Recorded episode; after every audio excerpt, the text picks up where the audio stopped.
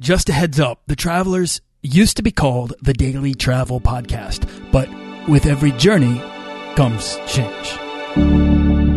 This podcast is produced by Holocene, a community of creative travelers. If you want to get serious about planning that next trip, writing that book, starting that creative project, or launching that business, we're breaking down the barriers between where you are where you want to be together at joinholocene.com. That's join, H O L O C E N E.com.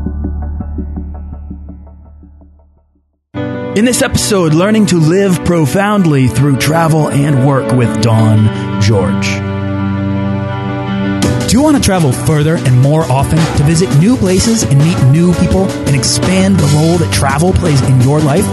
I'm your guide, Nathaniel Boyle, an explorer that wants to help you get out, see the world, and find meaningful, life changing experiences. Everyone wants to be adventurous and have great stories, to do the stuff of legend. This is the Daily Travel Podcast. Don George is a travel writer and editor. He's the former editor of the San Francisco Examiner and Chronicle, and he's the founder and former editor of the Wanderlust section of Salon.com and the global travel editor at Lonely Planet. He's the author of the Lonely Planet Guide to Travel Writing, which in a way is the book on travel writing. Uh, and uh, so he's written that book. And most recently, he's the editor of An Innocent Abroad, which is Lonely Planet's most recent collection of travel stories from some amazing people, some of whom I'm lucky enough to call friends. I think, and Don, correct me if I'm wrong right here. Feel free to chime in. I think this is your eighth, uh, your eighth book edited and, and, and released. It's my eighth book for Lonely Planet and my tenth, uh, tenth overall. Yeah, I'm still underrating you. After all of these accolades, I still haven't done you justice. Don George, thank you so much for coming on the show. I'm really excited to talk to you about stories and writings. The thing that really stood out to me was that I've had some brilliant people come on here, um, Lavinia Spalding and, and Candace Rardon, and people that I really, I really respect the work they do and the writing that they do, and they have all learned from you. So I was, I, I felt, I felt like I was, I had, I have to get this guy on the show. Thank you. Thank you very much. I'm incredibly honored and pleased to be here. Oh, I'm thrilled. I'm, the honor is all mine. So I've shared a, uh, a very little about what you have done, but I want you to introduce yourself as a person. Um, take us back, Don. Where, where are you from and where did you get your start tra- in travel? So I grew up in Connecticut and, uh, traveled the way most people did in my generation growing up with parents and school vacations, you know, summer vacations. We would go down the coast to North Carolina or up the coast to Nova Scotia, or sometimes we had a cabin for the summers on Lake Ontario in New York. And so it was, it was domestic travel or as far as Canada. Um, so travel was part of my upbringing, but not very far flung travel. And then the first trip abroad I ever made was the summer between my junior and senior years. Actually, the first trip abroad was the spring of my um, junior year in college when my parents took me and my brother to London and Paris. And that was because they knew that I was going to live in Paris the summer after my junior year in college on this uh, summer work abroad program that I went to Princeton and Princeton had this thing called the summer work abroad program for French majors. I was a French and English and American literature major. So I got a job in Paris as part of that program. My parents knew I was going to do that. So they took me there to introduce me under their wing to uh, Paris and London um, before I went on my own. So that was my very, very first trip, the, the spring break of my junior year. So, what was it then that compelled you to go and take this summer work abroad? I mean, and then and then obviously you, you would take this this other trip with your parents to, to sort of acclimate yourself to the experience, but something must have been calling you. Well, I loved I loved French culture. I loved French literature. I'd been studying French since I think maybe sixth grade or so. Um, it was just something that really appealed to me, and the notion of being able to live. And I was lucky enough to get a an internship in Paris for the summer. So the notion of being able to live in Paris and sort of follow my literary heroes like Hemingway and Fitzgerald and, um, do the expat life for a summer in Paris was really, really intoxicating and seductive. And so that's why I applied for it. And, um, I just wanted to see what would happen when I got out of my element and, and in that incredibly seductive culture, what, what would happen? Mm, yeah. So, uh, you know, I always say this on the show for anybody who may or may not be curious or, or might not have that, that drive or that motivation to pull, to, to go abroad and to experience what it, it's like to be in a, in a new country, but to let a pre-existing interest, uh, pull you into a larger world, right? Because Right. In your case, you were letting writings and, and, and these stories that you'd already heard, these legends of Fitzgerald and Hemingway and stuff, um, pull you into into their world so that you could find it. And then I'm guessing that what you found there wasn't quite exactly what was in the stories, but something uh, wholly fascinating and unique to your own experience. Yeah, absolutely. And and I agree. I always talk about the passion point that you should look for your passion point in the world and and follow it. And um, for me, it was it was Hemingway, Fitzgerald, and also these great French writers I was reading like Baudelaire and um, Rimbaud, and I was immersed in French literature too. And I just thought, wow, I want to be where that was created. So yes, I went to Paris and um, fell in love you know, over and over and over again, and um, it was just magical in all sorts of levels. I I lived with a French family as part of my internship.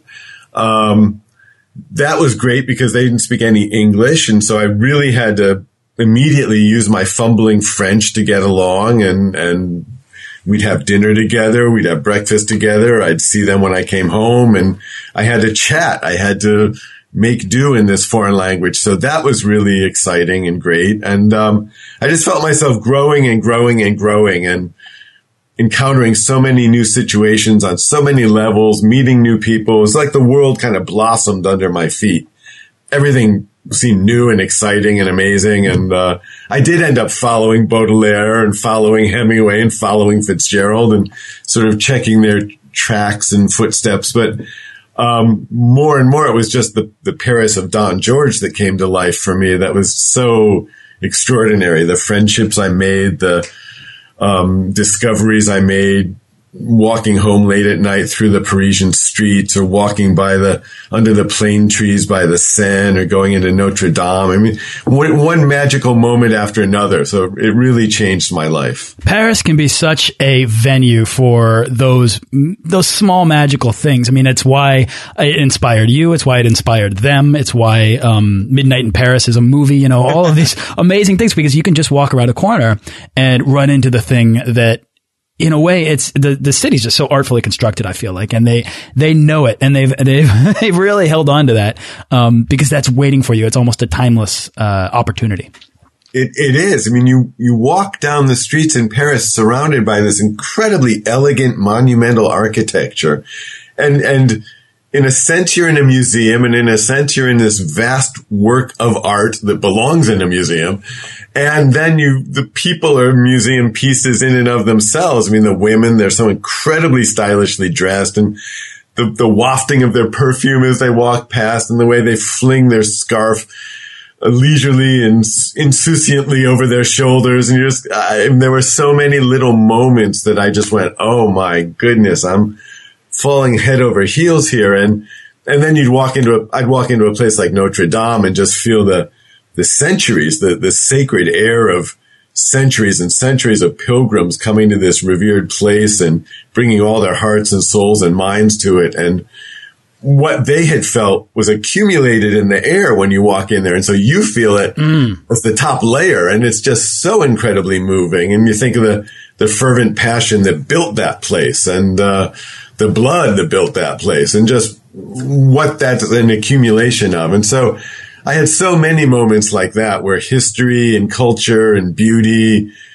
dream all sort of came together and coalesced. And it was a very, very heady stew, a very heady cocktail that I that I drank that summer. You know, I like that, and I'm wondering uh, to have a sensitivity for sort of the hidden details of of time or or um, the mystery of reality or, or what's in front of you or the story that's before you, right? To be able to ask the right questions, I feel like you need to have the right mindset. You need to have that sort of journalistic or storyteller or I don't know, just curious mindset of an explorer. And I'm wondering, Don, is that something that you got from this trip or something that you brought to the table?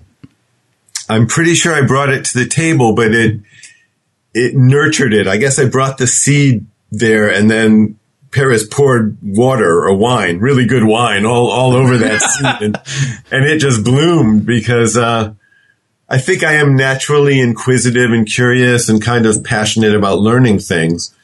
But Paris just rewarded that passion so amply in so many ways that it was encouraged and encouraged and encouraged every, yeah, every foray I meant, every foray I made somewhere, something amazing happened as a result of it. And so I, I do think the curiosity grew and grew in Paris. And you're absolutely right. So much of it is about opening yourself to the wonder and then ex- uh, allowing yourself, liberating yourself to explore the wonder. And sometimes that makes you incredibly vulnerable. You feel really stupid or foolish. You're asking these dumb questions that you think, wow, I'm, I'm just this dumb American, but okay, I am a dumb American. So I'm just going to ask. And, and then people really open themselves up to you because you've opened yourself up to them. And suddenly you're being taken on this journey, mm. Metaphorical and or literal. And, um, the whole world becomes richer because of that. So I think the curiosity is huge. The ability to make a fool out of yourself is huge and the ability to open yourself up to people and embrace the wonder that they offer you with wonder of your own is, is so incredibly critical. And all of that I think got started for me that first summer in Paris. So were you writing at the time in Paris? I was keeping a journal.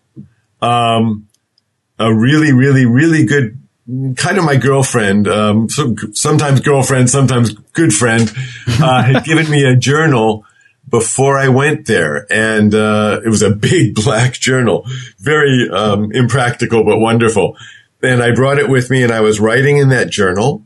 I wasn't, uh, I, I didn't, I wasn't a travel writer by any means. I was, I was a poet. I was a budding poet. I wanted to be a poet with my life. And so I was um, mainly just keeping my journal. Probably I wrote a few poems in Paris. I don't remember too well what they were, uh, but I definitely was writing in my journal and and writing letters too. Um, and that was it.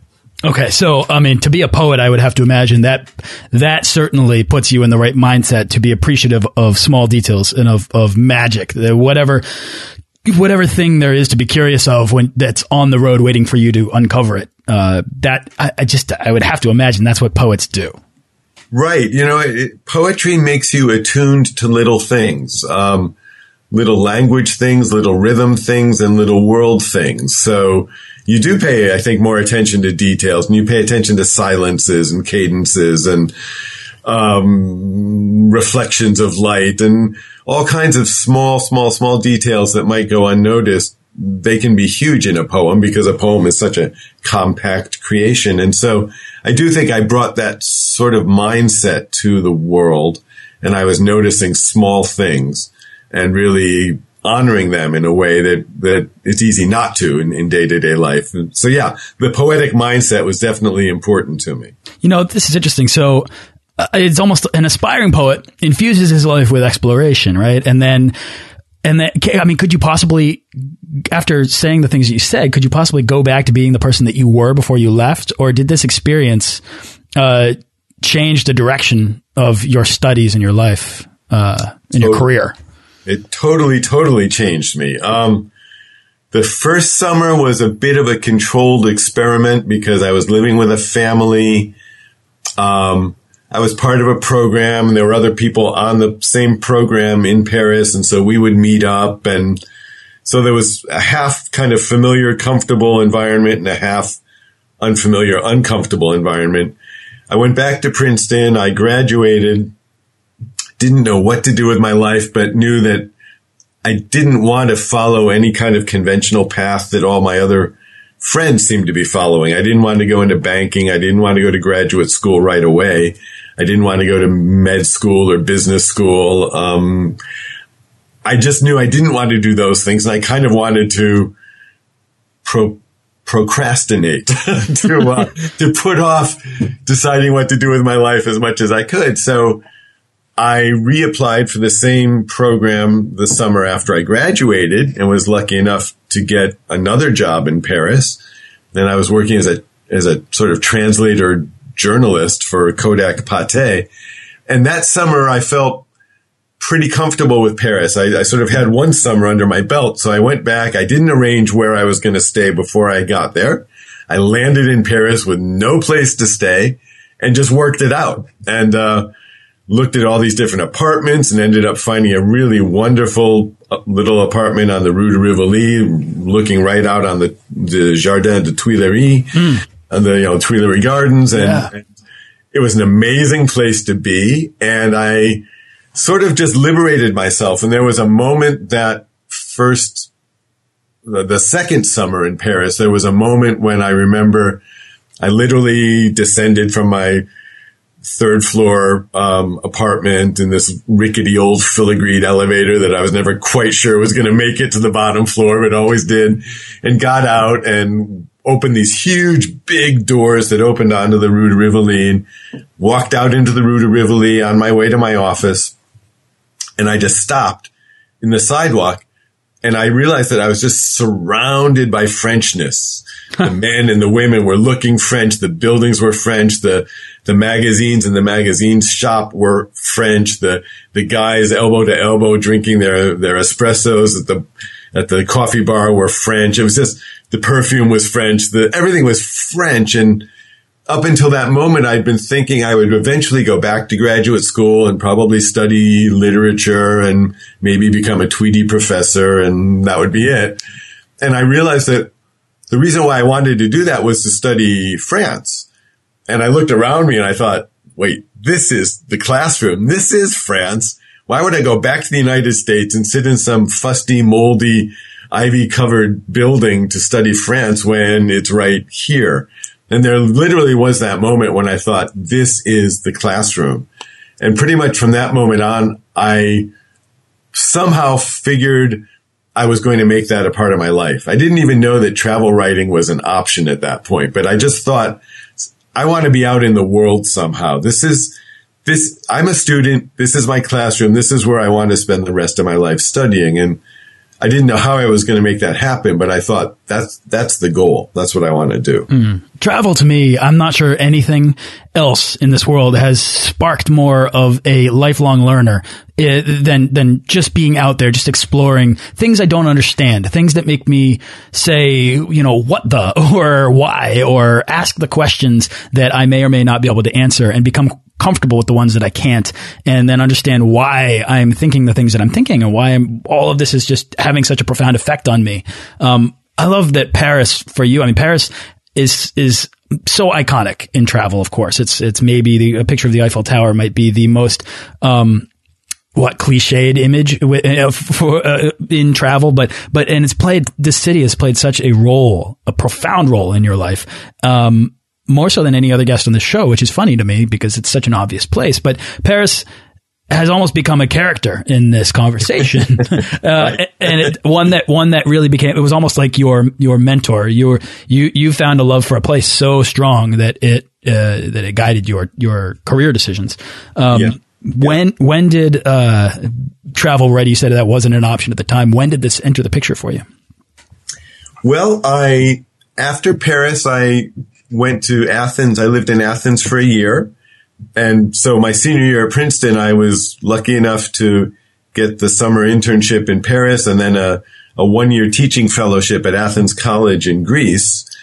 So I took the Orient Express um, from from Athens to uh, from Paris to Athens, and uh, taught for a year in Athens and spent my any free time I had exploring Greece and exploring Europe and had an amazing time. And, um, at the end of that year, I had to decide what to do with the rest of my life. And my options were to go to graduate school in comparative literature or to go to graduate school in creative writing. I felt after a while, I thought about other things, teaching in Europe and things like that, but I decided I wanted to do one of those two graduate schools. And I literally spent one whole night, finally stayed, stayed up all night trying to figure out which to do and decided I just went with my gut. The much more terrifying path was to become a, a writer. And, and it was also the path that my gut was saying, do it. So I just did it and, uh, went to graduate school and wrote a book of poems for my uh, master's thesis, got a master's degree in creative writing. And it was after that that the travel writing sort of entered my life because as part of my master's degree, I took a nonfiction writing class and I wrote a story about climbing Mount Kilimanjaro, which I did this summer between Athens and Virginia when I, where I went to graduate school. So I wrote this article about climbing Mount Kilimanjaro, got my master's degree, still didn't know what to do with my life. In the spring of my uh, master's degree year in Virginia, I applied for something called a Princeton in Asia fellowship, which gives you two years in Asia and uh, to teach or to work at a company. They, they have various um, fellowships that they award. Mm, okay. And I was really lucky to get a two year fellowship to teach in Tokyo. So before I went to Tokyo on that fellowship, and that again was a wonderful opportunity to procrastinate and put off doing, deciding what to do with my life. um, I wrote, I wrote to a bunch of um, editors in New York because I was in Connecticut at my parents' house and said, uh, I'm going to Tokyo for two years and I'd be very pleased if I could be your, you know, Tokyo based correspondent. And these were magazines like the New Yorker and the Atlantic and Harper's, really, really highbrow magazines. And they wrote back saying, you know, thank you very much. We have about a dozen Pulitzer Prize winners in Tokyo. So we really don't need your services, but it was kind of you to offer. Uh, but a few of them said, if you're going to be in New York before you go to Tokyo, please stop by. We'd be happy to talk with you. So I immediately invented a trip to New York because from Connecticut, it was very easy to get to New York anytime. So I said, I wrote back immediately saying, Oh, yes, I'm going to be in New York from August 1st to August 30th. And so if you have any window of time, you know, during, during that month, I'd love to see you. And so a bunch of people wrote back saying, well, yes, I have free time on August 16th or whatever. And so I would just go to New York for the day on August 16th and meet them. And, um, I got to meet a lot of editors that way, and I brought my Kilimanjaro story with me as a writing sample. And I left it with the editors. And one of the editors I met was the travel editor at Mademoiselle magazine, because I knew that they liked to work with, with young writers. And um, when I got to Tokyo, there actually was a telegram from the travel editor at Mademoiselle waiting for me. And it said, a hole opened up in our November issue and we put your Kilimanjaro story in it. Hope you don't mind. No, wow. so that was my first published travel article. And I, I did the math. I'd written one travel article and it would published in a national magazine and I'd written maybe 70, 80, 90 poems and sent them all to the New Yorker and the New Yorker had never published one of my poems. And I thought, yeah, maybe there's something to this, this writing travel articles thing. And I began to try to write more travel pieces and I was traveling naturally because I was in Japan and I began to write for, um, for travel and leisure and for the in-flight magazine of Japan Airlines and then for a magazine called Signature that was the Diners Club magazine. And so suddenly with no sort of forethought, no preconception that this was what was going to work for me, I was just naturally writing about my travel experiences and getting published. And, and that's really how I got started. So what do you think it was about that Kilimanjaro story or perhaps the experience itself that that made that I mean why was that the story that you brought to the table and why did that one why was that the one that unlocked the door for you? Part of it was really practical, I guess. Uh, I was in grad school. I wanted to take a nonfiction writing class. We had an assignment to write a story. I sort of racked my brain. What story do I want to write? And climbing Kilimanjaro had been such a a grueling, amazing, soul stretching, body racking experience that I, it wanted to be written. It was fighting to get out of me. And so that's the story I chose to write. And I think because I'd always studied literature and fiction and, and poetry, I wrote it not as a typical travel article, but more as like a, almost a, a fictional account with characters and dialogue and, I had fun with the writing of it. And my, my teacher, who was a fiction writer, encouraged me to do that. And, uh, so I wrote a very sort of fictionalized account. I mean, not, you know, a true, but, but using the stylistics of fiction account of climbing Kilimanjaro. And I guess that probably appealed to the editors. Maybe it was a little bit different from what they'd normally seen. And, um, and it was full of passion because I was full of passion and the whole trip was full of passion. And so I think that came through pretty, pretty loudly. And I guess, and I guess I must have written it pretty well. Um, so that's, that's it. That, that's what, that's the one that got published. That was the only travel article I'd written. So that was that was all right. That was a good track record. That's so. pretty good, hundred percent. Batting a thousand at that point. I mean, that to me, uh, it stood out to me as interesting because Kilimanjaro, everything I've heard of, and the first account of, of uh, Kilimanjaro that I have heard was um, in Michael Crichton's book Travels, which is I think the opening chapter, in which it's this. He basically describes it as this awful experience, but that he's that he's exceedingly g- glad he did, but that it was just really difficult. And so when you said that, it stood out to me as as this big challenging um, sensory experience that you had. And uh, for me, I know that uh, one of the more interesting things I think I've ever written was right after skydiving. And it was just sort of accounting for the experience um, and laying down as creatively as I could the words that captured that. Uh, and I used that to get my first writing job as uh, uh, a staff, the first staff writer for a massively successful baseball blog. Um, and this was I don't know, uh, seven years ago, maybe. Um, and, uh, but it was great. It was the first thing, you know, I, I, got back from travels and I took, I took this travel experience that I had written down and I used that, um, I used that to get, to get a job. And I think I did a really good job writing it because that experience was so alive in my imagination. Yeah. Yeah, exactly. I mean, I always say to students that you have to live really, really, really profoundly in order to write profoundly. If you don't, the first thing you've got to do is just pour yourself heart and soul 100% into an experience to get the material that you can then transform into a 100% powerful article. If you don't have that material, then you can't write the good article. So I think you're exactly right. That's what happened for you. So in your life, then, if you if people need to live profoundly in order to write profoundly and be received uh, as uh, a, a, source of of of this and, and of good writing, does travel help solve the problem of of living profoundly for you? Oh, I, yes, absolutely. I mean, I, I always just throw myself into my travel experiences. I always take risks. I think that it's really important to take risks, not dumb risks, but to, to be vulnerable and to put yourself out there and to see what's going to happen. And, and that's when you become most keenly alive and attuned to what's going on. And, and magic happens when you do that, when you put yourself out there. And so always travel for me now after 30 plus years of travel it's still every single new trip is full of wonder and magic. And I'm always going, wow and wow and wow. And it's, there's just something about the world being fresh and new every single time that it's, it changes my life. It recharges my life. And the more passion I put into the world, the more passion I can put into my stories. So it's huge for me. And, uh, I think it's probably kept me it's kept my sense of wonder alive that I'm constantly